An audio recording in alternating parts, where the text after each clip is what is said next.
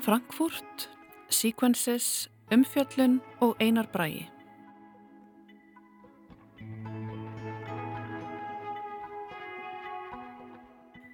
Bókamessunni í Frankfurt, sem er eins og stærsta í útgáfu heiminum, lög síðastlegin sunnudag. Íslandingar tóku ekki formlega þátt þetta árið, en þá nokkuri sóttu þá háttíðina og einhverjir tóku þátt í pallborði um heiðurstáttöku Íslands fyrir tíu árum.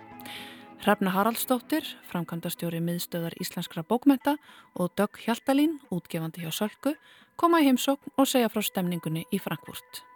Greta Sigriður Einarsdóttir, bókarinn í Víðsjár, hefur lókið við að lesa og hugsa um nýjasta verk Þórarins Eldjáts, smásagnasafnið umfjöldun. Við heyrum dóm hennar um verkið í þætti dagsins. Ástráður Eistensson, bókmyndafræðingur og profesor við Háskóla Íslands verður tekinn tali um nýlegt ljóðasafn ljóðskáldsins Einars Braga sem hefur að geima frumort ljóð skáldsins og merkar ljóðaþýðingar hans. Listaháttíðinni Sequences lög einni á sunnudag en hún var haldinn í tíunda sinn þetta árið. Ólöf Gerður Sigfúrsdóttir fjallar um háttíðina í þætti dagsins.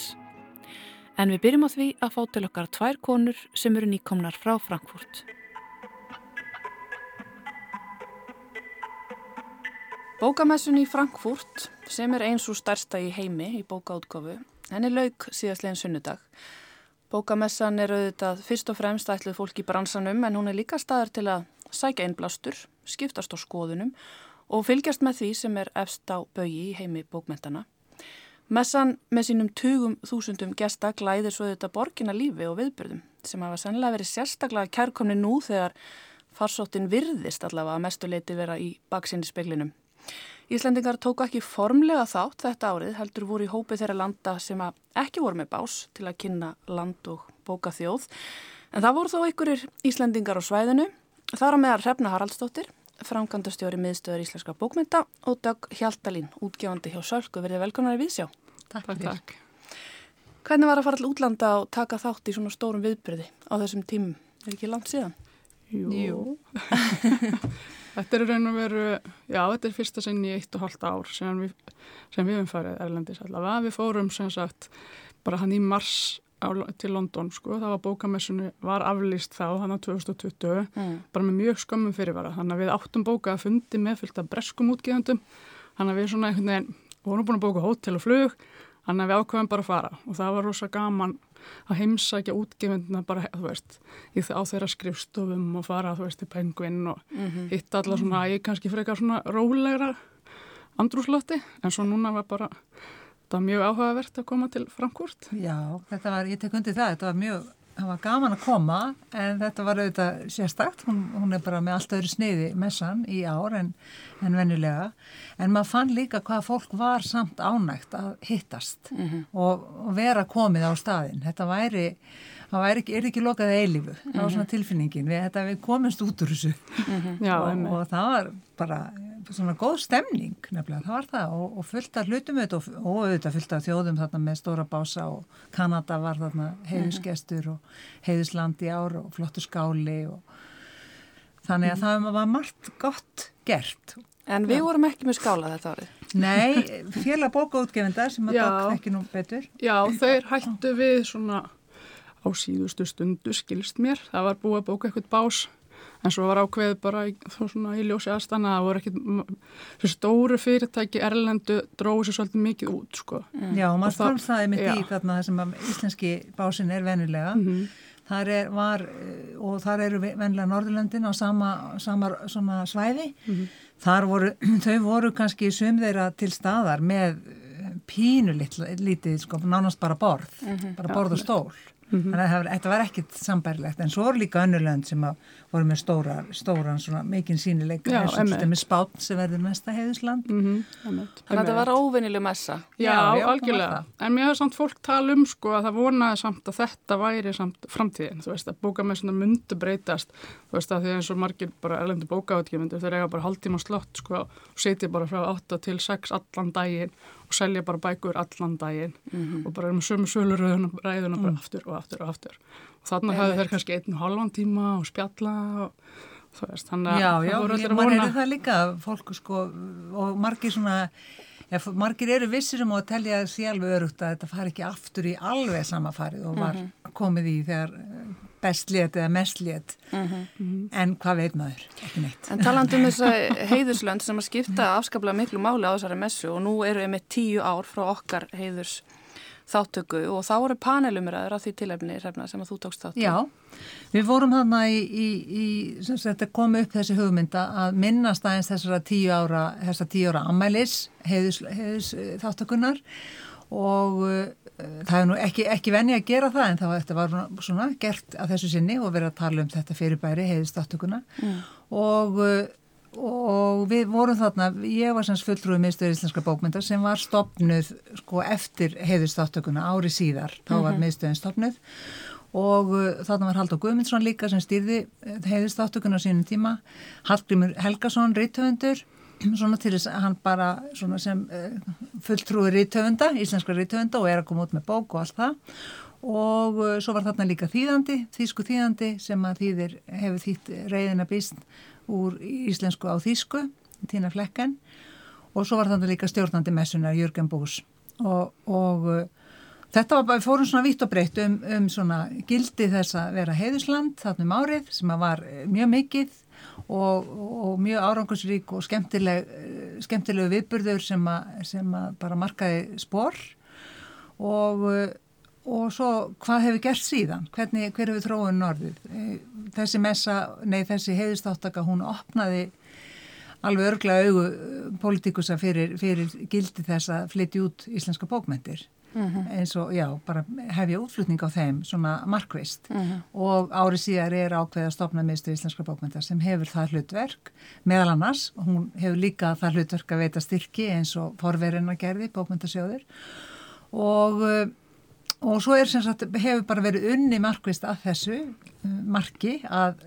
kynna bókmyndirna og auka útbreyslu þeir um heiminn og það er bara gert með öllum mögulegum öllum mögulegum hætti. Við erum búin til myndbönd um íslensku höfunda, við komum þeim í samband við bókamessur, bókaviðburði, bókmyndaviðburði út um allan heim Þetta verður svo sannlega að bóra árangur vegna þess að þýðingar hafa stóra aukist. Það er hluta þessu starfi, ger ég ráð fyrir. Það er, það er akkurat hluta því. Það eru þýðingarstyrkirnir og starf, samstarf við þýðendur. Mm -hmm. Og svona að hvetja þá til dáða og ebla þá sem, sem í þessu starfi þeirra.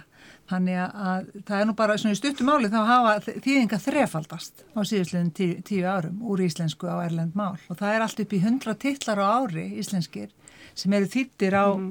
kannski upp í 30 tungumál. Mm -hmm. Þetta eru mjög stóra tölur og þetta vekur aðtilli. Þetta hefur verið mikilvægt fyrir svona lítið málsvæð eins og okkur að vera aðna heiðskjastur. Mjög mikilvægt og, og, og allar þessar þýðingar eru mm -hmm. náttúrulega bara á auga bragði þá margfaldast lesenda hópur höfundana. Og svo líka það sem gerist í raun og veru þú veist um leið og bókin er komin út á ykkur öðru tungumál en íslensku. Þú veist bara hún nærða að selja hana ykkurt út þá auðveldar það svo rosalega að selja hana víðar sko. Akkurat, það opnar, það opnar alveg dittnar sko. Já, já, já. Hvar er mestur áhugi á íslensku skaldverkum? Hvar er mikill áhugi? Já, sko, það er mjög mikill áhugi í Fraklandi. Bara það er svona nærtækt dæmi. Bara síðastlegin ár þá hefur svona undanfærin, já, kannski tíu ár eitthvað svo leiðis, þá hafa eh, bara íslenskar bókmyndir algjörlega sleiði gegn í, í Fraklandi og það er, er náttúrulega höfundunum að þakka fyrst og fremst, mm -hmm. góðum rittöndum og mhm. góðum skaldverkum og, og líka góðum þýðendum, öflugum ja. þýðendum sem eru meira en bara þýðendur, þeir eru bara í fullu starfi að kynna íslenska bókmyndir. Mm -hmm. Svo er magnað bara að þú veist, íslenski höfundar hafa bara líka, þú veist, bara haft hennan átt miklu velgengnar að fagna eins og í Breitlandi sem er bara mjög hörð samkjæfni Já. það er bara ótrúlegt það sko. er mjög, og það er mjög mikil gleði tíðin Já, mm -hmm. það er mjög hörður markaður Já, sko, og, og mér svo hungir höfundar bara Já. alveg nýjir splunkunýjir höfundar mm -hmm. kannski með fyrst og aðra bóka að eru núna, eru þýttir á ennsku og eru mm -hmm. bara daldið að ná útbreyslu sko. Já, emitt, og fá bara mjög góða dóma í breskum blöðum Þetta er ægilega góð tíðin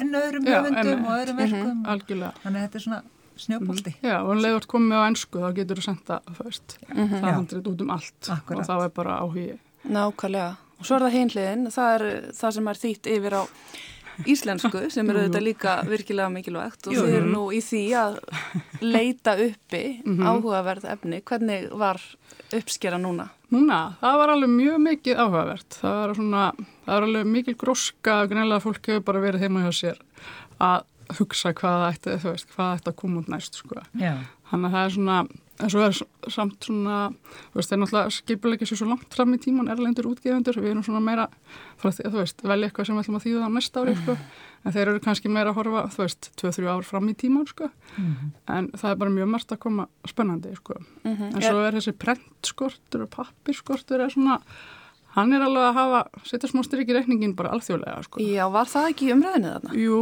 það er alveg hérna, og svo er sko, er að breytast líka það heitir svona co-edition þegar í raun og veru þú kaupir bók og þýðir hana en kaupir sko alveg allt, þú veist, bara alla grafík og prentuna og færið hana bara tilbúna. Þetta er svona, þetta er algengt í badnabókum Já. og svona þessum, þú veist, þykku fræðibókum og svona sem eru bara þýtar og koma svo út, þú veist, á íslensku, dansku, ennsku, eitthvað samtímis. Mm -hmm. Þetta er mjög mikið verið prentað í Kína, þetta er mjög mikið að færast til Evrópu út af þessum bara dýraflutningskostnaði frá Kína Já. og bara þessum langa líka flutningstíma þannig að það er líka auka sko að þegar við erum að prenta í Evrópu þá er það að auka líka prentskortin sko hjá okkur eða þú veist að þá eru við samkefni við þetta mm. En í öllum þessum panelum og umræðu stofum sem er haldnar er þá ekki verið að ræða þetta líka bara þú veist kólefnusspor og stafræna byltingu og svo framvegis hvað er svona efst á baui í umræðinni þannig?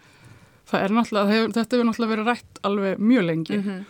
en um að sko núna er eitthvað staðan þannig út af þessum brentskorti og þá kemur ljós hvað bækur og bókabransin eru rosalega lítið hluti af pappisinnaðum og það er í raun og verið þess vegna er, þú veist, við erum ekki, bókabransin er ekki að fá til sín brentsmiðin er ekki að fá pappir þegar þeir eru ekki forgangi af því yeah. þeir eru bara svona afgangstær og það er svo lítið, lítið hlutfalla pappir í heiminu sem fer í bókabransan þannig að það er svona þá kemur einhvern veginn aftur baksla í þetta held ég sko. Aftur, og er verið að ræða ykkur að lausnir?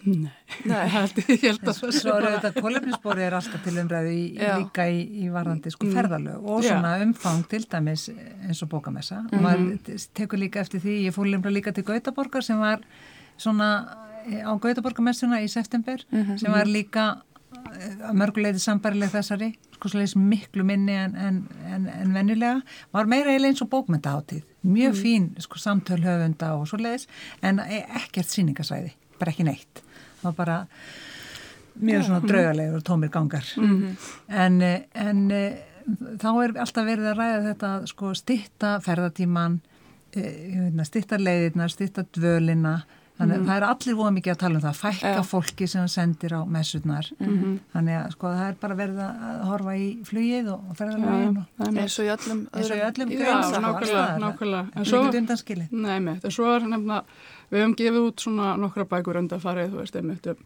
hérna nattræna hlínun og bara alls kemst umhverjusmál og svona og vorum einmitt eitthvað að þetta við elenda útgefundur okkar og þú veist, við vorum að spyrja hvort við vildum gefa út fleiri svona bækur og það voru eitthvað, já þú veist, ég veit ekki alveg, þú veist, salan hefur kannski ekki verið eins mikið lögbyggumst við og þá er þetta eitthvað sem þeir heyra, þú veist, allstaðar í Evrópu, að þessar bækur hafa, undafarið hafa er ekki náði gegn. Nei. Það er eitthvað neginn, þú veist, fólk er að leita að öðru mm -hmm. og vil kannski fá okkur smá pásu á á þessu á, þú veist, sökva sér alveg í hérna, eitthvað hann fara hlínun sko. En hvað vil fólk fá? Það er nú alltaf verið að ræða það svona bókamössum hver eru trendin? Hvað, er eitthvað tískurseflir í gangi núna?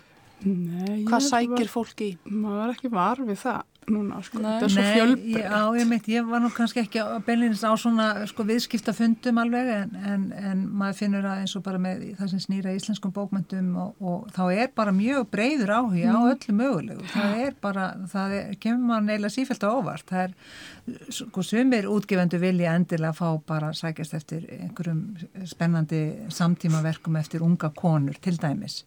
Aðrir eru bara í sögulegum, skáldsögum og vil ekki sjá neitt annað. Mm -hmm. Þannig að að þetta fyrir bæð eftir löndum og náttúrulega útgefendum, útgefendum marka sér svona ákveði sér svið og mér finnst bara vera mjög eiginlega greið leið fyrir alveg merkilega ólíkar bækur já, í, já. í útflutningi og, og til þýðinga. Mm -hmm. Já, ég er alveg algjörlega samanláð sko. Það verist vera bara allt, það er bara allt í búið. Já, og náttúrulega glæpasögurnar hafa fyrir löngu markasins mm -hmm. Akkurat, ég las viðtal við Breskan útgefanda eftir messuna sem að tala um það að uh, skandi þrillerin væri núna í, komin í lagð það væri eitthvað annað, fólk var að sækja annað og svona löggur í draupili væri að færa sig yfir í borgina. Borgin væri að vera meira svona í landslægi þessa bóka. Já. Mm -hmm. og svo talaði reynda líka um að uh, fólk útgefundur í Evropa verið mjög heitir fyrir Japan Mm. Ég veit ekki hvort þið voru að vara við það þannig. Nei. Nei, þetta er eitthvað breskimarkaðurinn. Já, já, já, já, nokkulega. Já, já, en íslenska bókmyndir eru svolítið kynntar í Japan, sko. Mm -hmm. Svolítið í samskiptum við, við Japani mitt þessa dagana. Ok. og um að svona kom í kring einhverju viðbörðum að senda út íslenska höfenda og... Mm -hmm. Já, gaman að heyra af þessu og bara var ekki gaman líka bara í Frankúrt. Jú, það var, var eindalt fyrir utan að var gerðið óveður. Nú? Nú, hvað? Ég sá Takk mista því. Ég þurfti líka að taka lest og ég lendi í Já, ég sá að sölkukonur á sér mynd í dindlum, það var mjög skemmtilegt. Já, já, já. Þegar greinlega tekið þetta alla leið. Já, já, já, oktoberfest alveg bara. Já, og nóg framöndan auðvitað ykkur. Já, það er bara næsta vikar Kaupmannahöfn. Það er hérna, sem sagt, Grísafjörður bókinu Lólína var hérna, var tilnæmt til barnabókavelin á Norrlandarás, þannig að við erum að fara þangað. Nó framöndan hjá þér líka já, já, já. helstu verðtíðinu okkar. Hérna, þá segjum við þetta bara gott. Gaman að fá okkur í heimsókn. Hrefna Haraldsdóttir og Dögg Hjaldalín, ég segi bara gleðilega bókavertið Já, takk fyrir það. Sem leðs Líkt og bókamessunni í Frankfurt þá lauk listaháttíðinni Sequences einnig á sunnudag. Ólöf Gerður Sigfúrsdóttir uppliða háttíðina og hún tekur nú við Nú hefur listaháttíðin Sequences farið fram í tíunda sinn en að henni standa nýlistasafnið Kling og Bang og kynningamiðstöð íslenskrar myndlistar. Háttíðin var stopnuð árið 2006 og var haldin árlega fram til 2009 þegar hún varða þeim tvíeringi sem hún er í dag. Sequences sker sig úr innan um aðrar listaháttíðir hér á landi fyrir þær sakir að hún er stopnuð af listamönnum og rekin af listamannareknum rýmum og gerir þar að þau ekki list sem unnin er í tímatengda miðla að brennitefli. Í ár er síningastjórn í höndum þeirra Þórunu Daggar Björstóttur og Þráins Hjalmarssonar og hafa þau vandað vel til verka og sett saman afar fjölbreytta og metnaður fulla taskrá. 43 íslenskir og alþjóðlegir listamenn og listamannahópar taka þátt í háttíðinni sem að mesturleiti fór fram í Reykjavík en tegði einnig ánga sína víða um land í listamannareikin Rými eins og Galleri útkverfu á Ísafjörði, Kaktus á Akureyri og menningar og félagsheimilið Herðubreið á Seyðisfjörði. Konseptið tími í einni eða annari mynd hefur verið rauður þráður á háttíðinni gegnum árin. Enda hverfist háttíðinum listamenn sem vinna verk sín í tímatengda miðla eins og gjörninga, kvikmyndaformið eða vídjó, auk þess sem önnur listform eins og dans, ritlist og tónlist fá mikið pláss á háttíðinni ár. Sum verkana eru beinlinis háð tímanum, þau eru forgengileg og engungu til á tilteknum tíma sem áhörvendur virkja með nærveru sinni en skilja eftir sig ummerki sem vara svo í mis langan tíma. Yfirskriftin í ár er komin tími til og vísar í það samfélagsrými augnabliksins sem háttíðin skapar sér hverju sinni. Það er að vísu freistandið að tólka titilinn með vísan í kórunumveri faraldurinn og að nú sé loksins komin tími til að halda hátíð eftir svo langt hlið undanfærin messiri. Þannig mætti lesa titilinn sem vísan í eftirvæntingu eftir einhverju sem löngu hefði átt að gerast, hvort sem það eru hátíðahöld eða jafnvel alvarlegri aðgerðir tengdar umhverjusmálum, þótt það hafi sennilega ekki verið aðal ásetningur síningastjórun að tvekja með yfirskriftinni. Það sem hins vegar vekur sérstaka aðtekli í prógraminu í ár er vel útverð sín þeirra þórunu og þráins um að skapa rými fyrir samslátt ólíkra listforma. En ábyrrandi er endurtekin samruni myndlistar, tónlistar og ljóðlistar, ímist í einu og sama verkinu eða með samtali ólíkra listamanna. Þannig virkiðu til dæmis tónlistarhópar í fjölumörgum tilfellum myndverk með því að þýða hið sjónræna yfir í tóna, söng og hljóð og þannig skapaðist áhugavert samtal þvert á listgreinar. Einnig eru algeng verk sem felast í beinum samskiptum listamannsins við tiltekið rými eða áhörfundur eins og átta klukkustundar langur opnunargjörningur listamannahópsins Lucky 3 í Open Galleríi eða tunglbóka útgáfa Elisabethar Jökulsdóttur og Dags Hjartarssonar úti í gróttu á fullu tónli. Einnig vil ég nefna ábyrjandi tengingu dagskrárinnar við börn og úlinga, hvort sem það er í formi samstars við skóla, beina þáttöku barna og úlinga í viðbörðum eða vinnusmiður fyrir umt fólk. Þetta er vel gert og hefur ekki sérst í svo miklum mæli áður á hátíðinni. Heiðurslistamæður hátíðarinn í ári er emitt rítöfundirinn Elisabeth Jökulsdóttir. Þetta er nokkuð óvænt val og hugrækt þar sem undanfærin ár hafa erlendar stórstjörnur úr myndlistarheiminum verið í heiðursmanna hlutverkinu eins og Karoli Schneemann eða Joan Jonas. Það er enga síður vel til fundið hjá síngastjórunum að bjóða Elisabetu til liðs við háttíðina því það ítir undir markmið þeirra um að vika út hefðbundin mörg listgreinana og ymlima orðlistina og skaldskapin í mengi hátíðarinnar.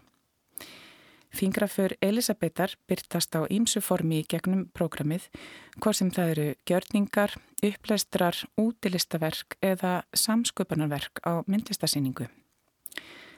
Teksti Elisabetar í síningaskrá opnar upp áleitnar spurningar um hvað fælst í hugtakinu sköpun og hún nýtir á gaggrinin hátt í meðfarir samtímans á hugtakinu sem útvötnuðu og ofnótuðu. Þá beinir Elisabeth sjónum sínum að skuggarlið sköpunarinnar, eigðingunni eða óskapniðunum sjálfum og lýsir sambandinu þannig á milli á sinn fumlösa og hugveikjandi hátt. Sköpun og eigðing er emmitt efniviðurinn í síningu með sömu yfirskrift sem fer fram í nýlistarsafninu og klingubang samtímis þar sem samsláttur hins sjónræna og hljóðræna kemur sérlega vel fram. Þar sínir Guðlaug Míja Eithostóttir myndverk og skúltura undir heitinu Tilbreyði sem gerðir eru sem skor sem tólkað er í tónlist. Skólahljónsettir og tónlistarhópar virkja rýmið á síningatímanum og tólka skúlturuna í hljóð og söng og þannig á sér stað þýðing eða yfirfærsla frá einum listmiðli til annars. Samskonar yfirfærsla á sér stað í verki Gunnhildar Haugstóttur, Skriði, þar sem vísendalega gögn frá Veðurstofu Ísland sem jarðfræði Seyðisfjörðar eru þýtt yfir í efnislega innsetningu hennar í rýminu sem aftur verður að skor fyrir tónlist í tólkun og flutningi kontrabassarleikarans Borgars Magnússonar. Verkið er átakanlegt þar sem það vísar í nýleg skriðuföll á seyðisfyrði en einnig afar löðrend þar sem grjótur skriðusárinu hafa verið lögð í hangandi satínborða úr loftinu sem rugga fram og tilbaka rólega í takt við öldurnar í höfninu úti fyrir klukkanum.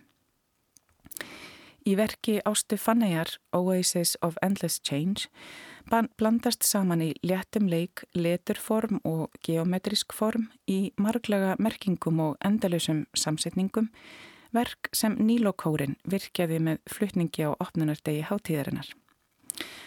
Þá er verk Bergrunar Snæpjusdóttur að geip afar áhrifaríkt en í því tekst hún á við floknar hugmyndir um samfellingu tíma og rúms með því að skapa samhliða frásagnir fjögura hljóðfærleikara. Hljóðfærleikararnir tólka abstrakt tekstaskór hennar á fjögur hljóðfæri, hörpu, selló, kontrabassaklarinett og slagverk í samspili við upptökuvél sem dreyin er í kringum þau í stöðugri ringlaga hreyfingu. Hliðstæðir flutningar þeirra á skórinu eru svo feldir saman þannig að þeir upplifast samtímis í markveldum myndfleti undir nokkuð óhugnarlegum en mögnuðum hljóðheimi. Þetta samtal hins sjónræna og hljóðræna byrtist einnig í fleiri verkum á hátíðinni eins og til dæmis í verki Berglindar Marju Tómasdóttur, Rock River Mary, hjólísaverkefnið, þar sem hún fer í tónleikaferðalag í líki kúrikastelpu um Snæfellsnes og skoðar samband tónlistar og samfélags með því að bjóða tilfallandi vegasjóppugestum upp á þverflötutónleika í hjólísi nú eða í verki ástu Fannegar Siguradóttur Munnhólu sem rauð gjörninga þar sem hún fálmar á súrealískan og draumkendan hátt eftir orðum, hlutum, formum og hljóðum í vel útfarðri fagurfræði. Um leið og meiri hluti listamannana á háttíðin er íslenskur að uppruna eða búsettur hér á landi, þá býður háttíðin einnig upp á alþjóðlega listamenn á heimsmæli hverða hvers verk er afar dýrmætt að fá að sjá og líta á augum. Hér má nefna verk kanadíska gjörningalistamannsins Miles Greenberg í Tjarnabíó, Oyster Knife frá 2020, 24 tíma kvikmyndaverk þar sem listamæðurinn sést ganga á færibandi samfelt í Sólarring, eða verk bandarísku listakonunar Meredith Monk í Bíoparadís 16mm earring frá árinu 1977 þar sem hún blandar saman danslist, rallist, gjörningum, ljóðlist og kvíkmyndalistinni í leit að nýju listformi. Sérstaklega gaman var að sjá munnhólu Ástu Fannegar eftir að hafa séð verk Monks en greinilegur samslastur er með verkonum tveimur þrátt fyrir langt kynnslóðubil höfundana á milli. Þá verður að nefna hér sérstaklega tónleika sem fóru fram í Hafnarborg en þar flutti víluleikarin Julia Eckhardt verkið Occam fjögur eftir frönsku raftónlistarkonuna og brautriðendan Eliane Radík á afar eftirminnilegan hátt og John McCowan flutti einlegsverk sitt Models of Duration fyrir kontrabassaklarinett þar sem hann þeinar út hljóðheim hljóðfæri síns á forvitnilegan og heitlandi hátt. Bæðiverkin fóru með áhörfundur í ferðalag hlustunarinnar um yfirborð hljóðana þar sem yfirtónar og hið undirlikjandi í eiginleikum hljóðfarna opnuðu vítir út í hið stóra sem hið smáa. Það verður ekki hægt að gera öllum þeim fjölda viðbörða skil sem fóru fram á síkvensis í þetta sinn en hér hef ég einungis fjallaðum brota brot af því mikla magni áhugaverðura viðbörða sem fóru fram á hátíðinni í ár. Það var sérlega ánægilegt að upplifa lifandi list á ný og vera hluti af því samfélagsrými sem hátíðin skapar. Það var einmitt komin tími til að halda hátíð akkurat svona hátíð sem saminar ólíkar listgreinar og stefnir saman fólki úr ólíkum áttum í sameinlega lifandi upplifin. Sagði Ólöf Gerður Sigfúsdóttir um listaháttíðina Sequences sem lauk á sunnudagin var. En nú tekur löðskaldið einar bræi við. Við líðum á upptöku frá því í janúar 1958. Ég les fyrst úr bókinni Gestabóðu nótt sem kom út 1953. Sporglaðir hestar, ortt í minningu tveggja látina skálda. Sporglaðir hestar með söngdjarfar hörpur í brjósti og hafvildar erðlur á hlögri við brótsjóum hjartans renna sköpluðum hófum á skeið yfir gljáandi ísa. Skel þunna spöng milli hvelvinga, lífsins og döiðans. Ógnar rött kallar úr djúpinu, keirir þá spórum. Í opinni kvíku þjótandi ís nálar brotna, logandi dreyri drýpur úr skíjana sárum. Dumbur rauðar himnur fellir á brástjörnur ungar. Grýp styrkri hendi er þrýfið í faksið og förinn stöðuð á vakarbarmi. Er byrtir á degi, sjást fáeinar, lífandi rósir, ristar í svellið, rauðar og hvítar og fagnandi sólinn þær tínir. Þarna vorum við stödd inn á kynningu á verkum ungra ljóðskálda í háskólanum í janúarmánuði árið 1958. Já, þetta var svona menningalegt hjá stúdendunum að vera að kynna ljóðskáldin. Þarna las úr eigin verkum Einar Brægi ljóðskáld og eh, hingaði kominn maður sem að þekkir verk Einars Braga vel út er nefnilega komið glæsilegt reyðsapn í tveimu bindum, rauð og hvít falleg bindi um reitt og tvö með eh, ljóðum Einars Braga og reyndar ljóða þýðingum hans líka Ástráður Eistensson, professor í bókmentum við Háskóla Íslands, velkomin í Víðsjá. Takk. Hvað er svona verkilegt Einar Braga? Það er nú vísna margt uh, og það var, það var heilt æfintýri að, að kafa svona ofin í feril þessar manns og, og þó að, þó að þessi, þessi, þessi tvö bindi nái náttúrulega utanum ljóðina þá sem margt annað sem hann gerði. Mm -hmm. Hann var, hann var uh, gríðarlega öflugur uh, leikrita þýðandi til dæmis og hann var algjör likil rittstjóri á, á mikilvægum tíma uh, eftir styrir sárunum. Með byrting?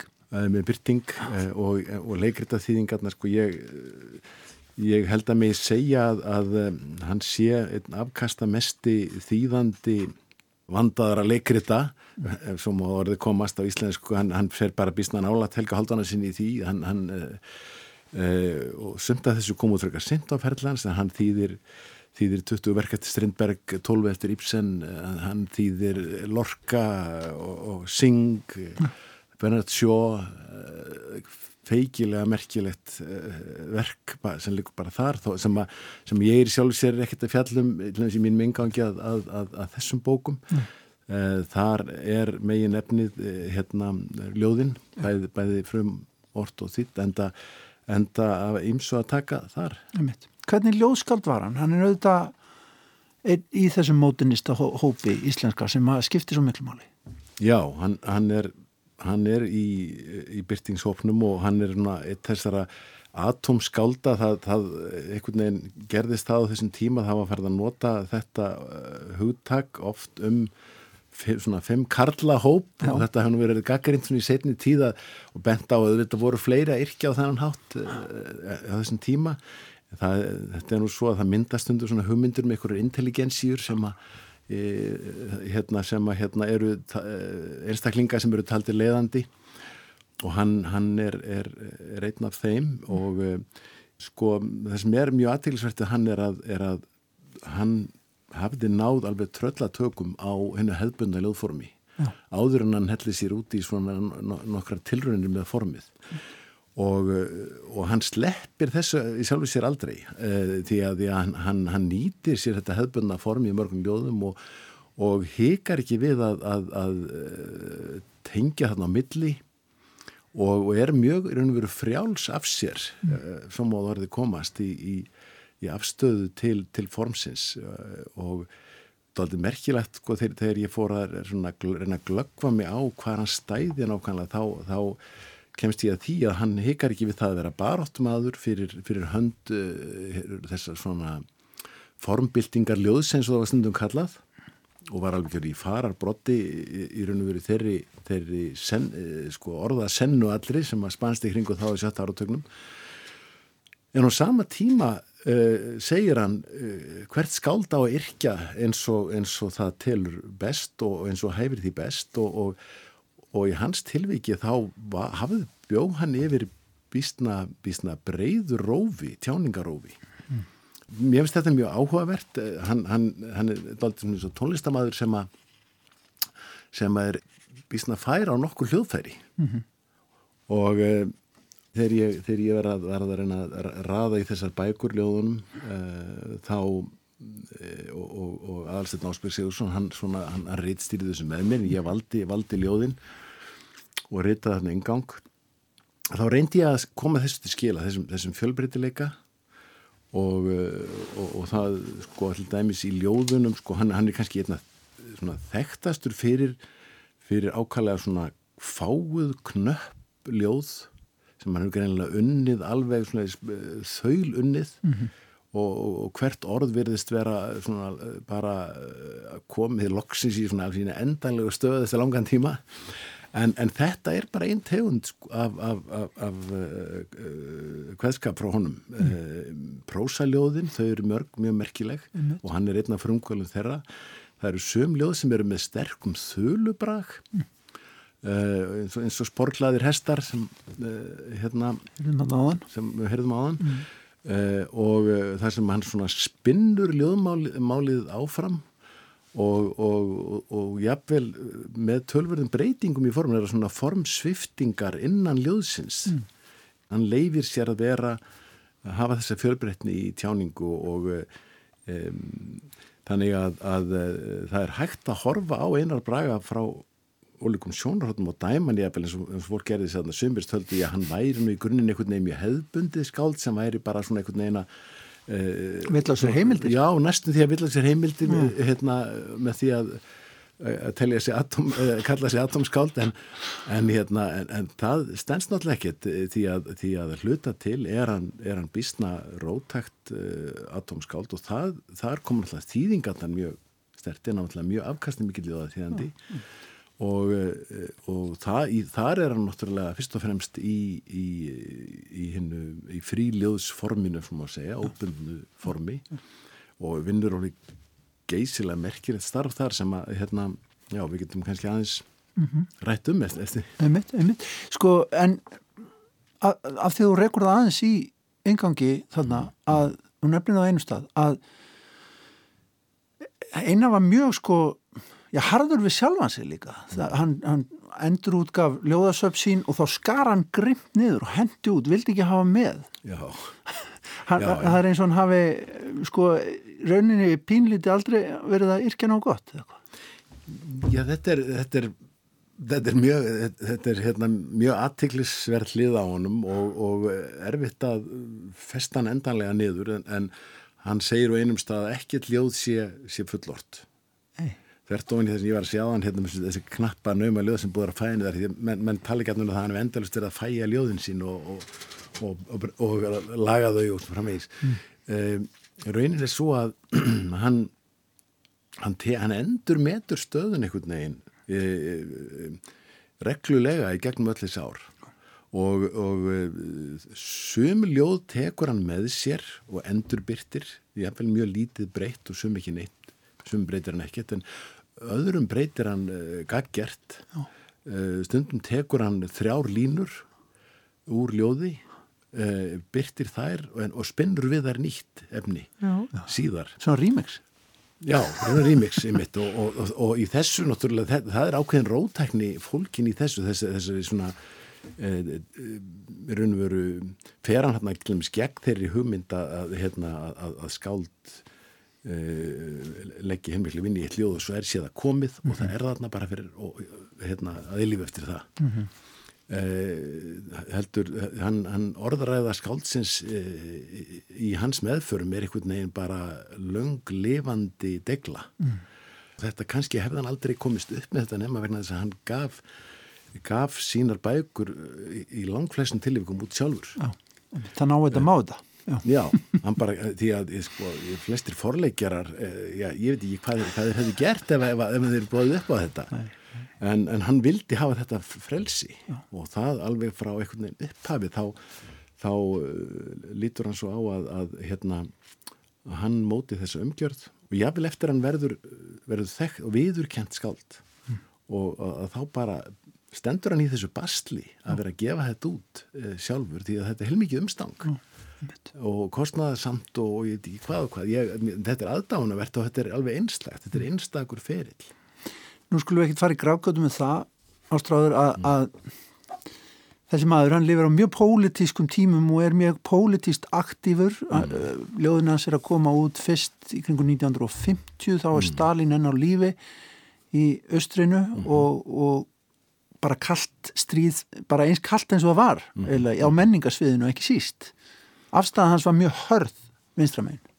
Já, ekki, ekki Stalins megin reyndar en, en hann var, mjög, hann var, hann var einarður sósialisti og, og var það alla tíð. Eh, en hann eh, eins og, eins og fleiri byrtingsmenn, hann var náttúrulega einn af þessum byrtingsmennum og var, var e, sem, sem satt í raun og veru sem er, og flestir telja nú að hann hafi tryggt því tímariti þetta langa líf.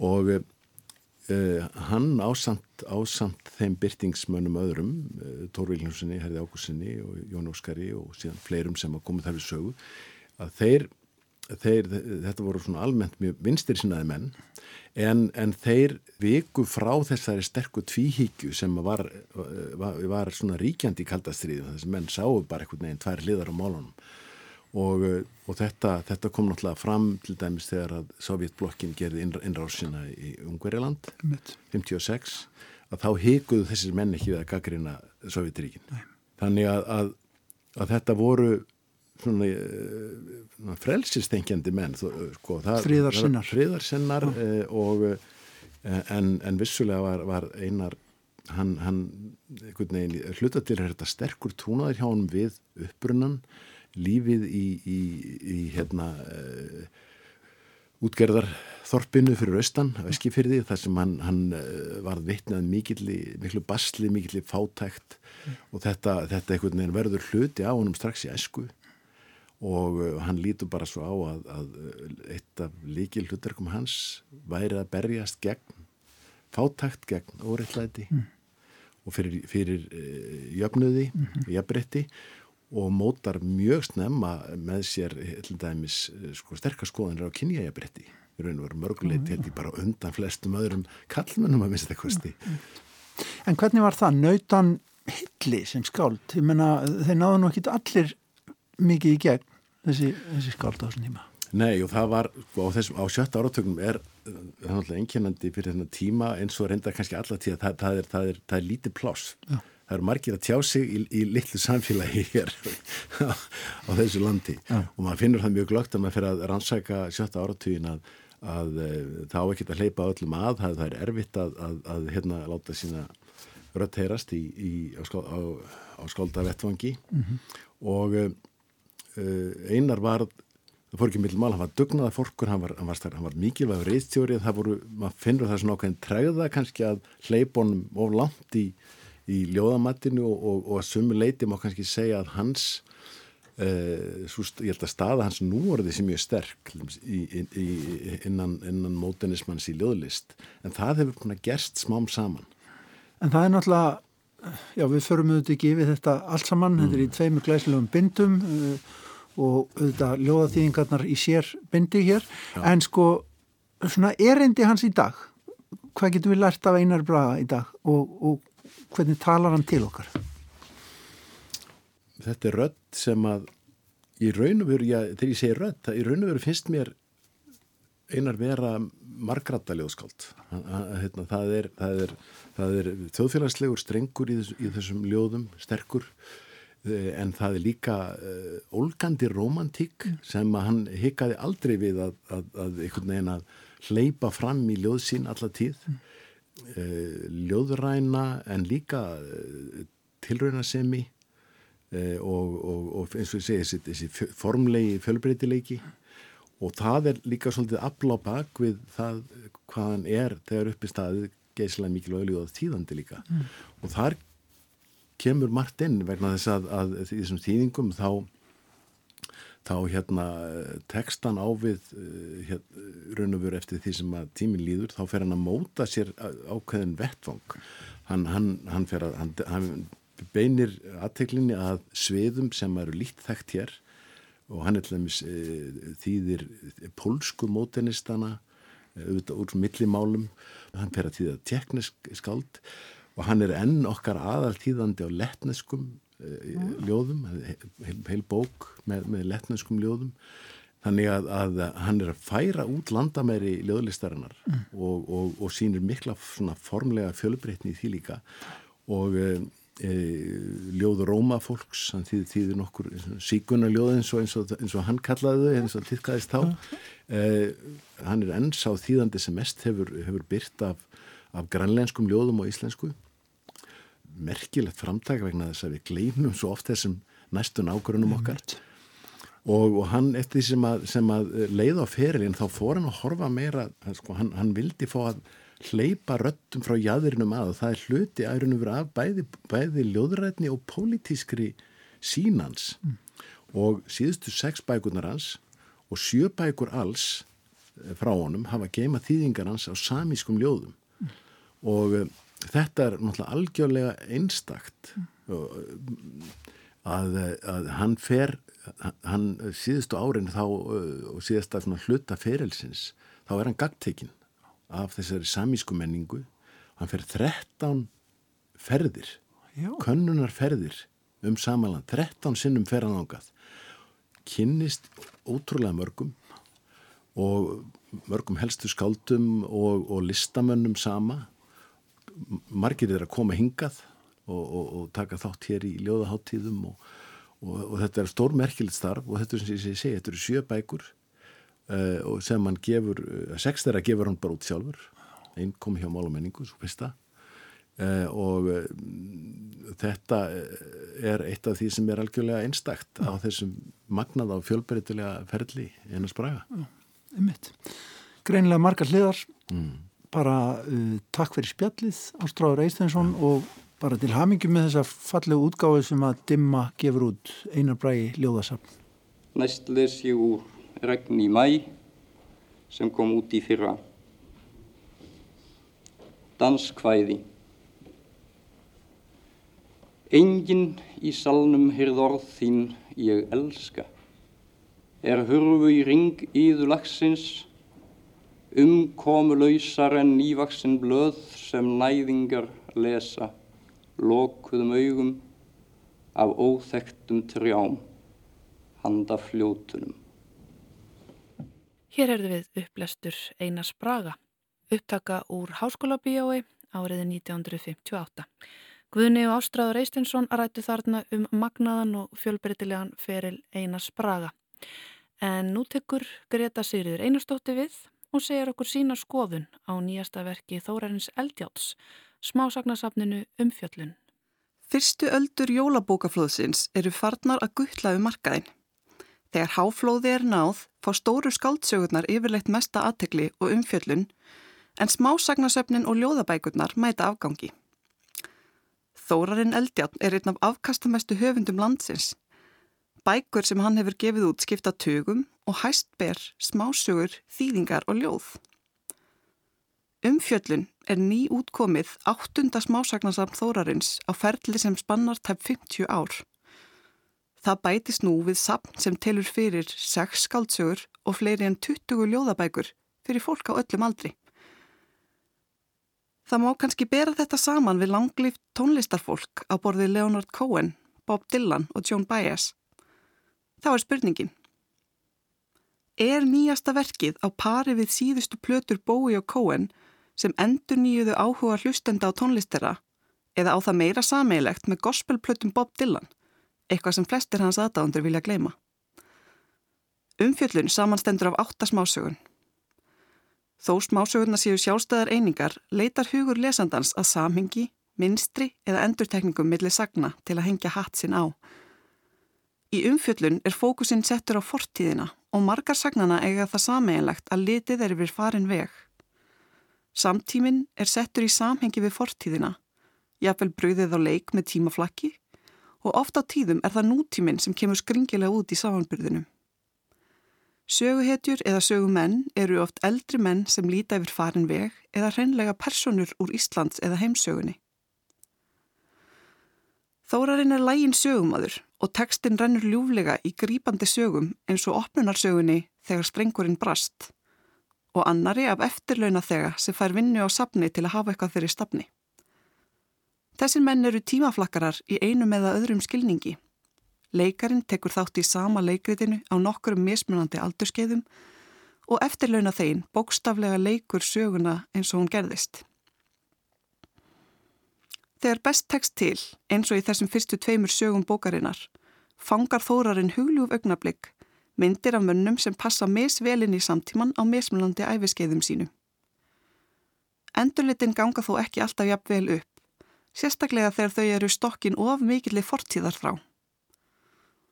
Lengsta saga bókarinnar er úr sögu Bob-sambandsins. Sú fjallar um kunningja sem ganga saman gegnum skólakerfið í Vesturbænum, Melaskóla, Hagaskóla og MR. Það er löngu orðin klísja að emmeringar tali of mikið um hvar þeir voru í mentaskóla og þessi langdregna saga af vinatengslum í blandið gamlar sögur úr mentaskólanum var dálítið eins og að festast í spjalli við nokkra emmeringa gegn sínum vilja. Sjálfsagt skemmtilegt fyrir þá en vekur minni áhuga þeirra sem ekki voru í mentaskólanum á síðari hluta 20. aldarinnar.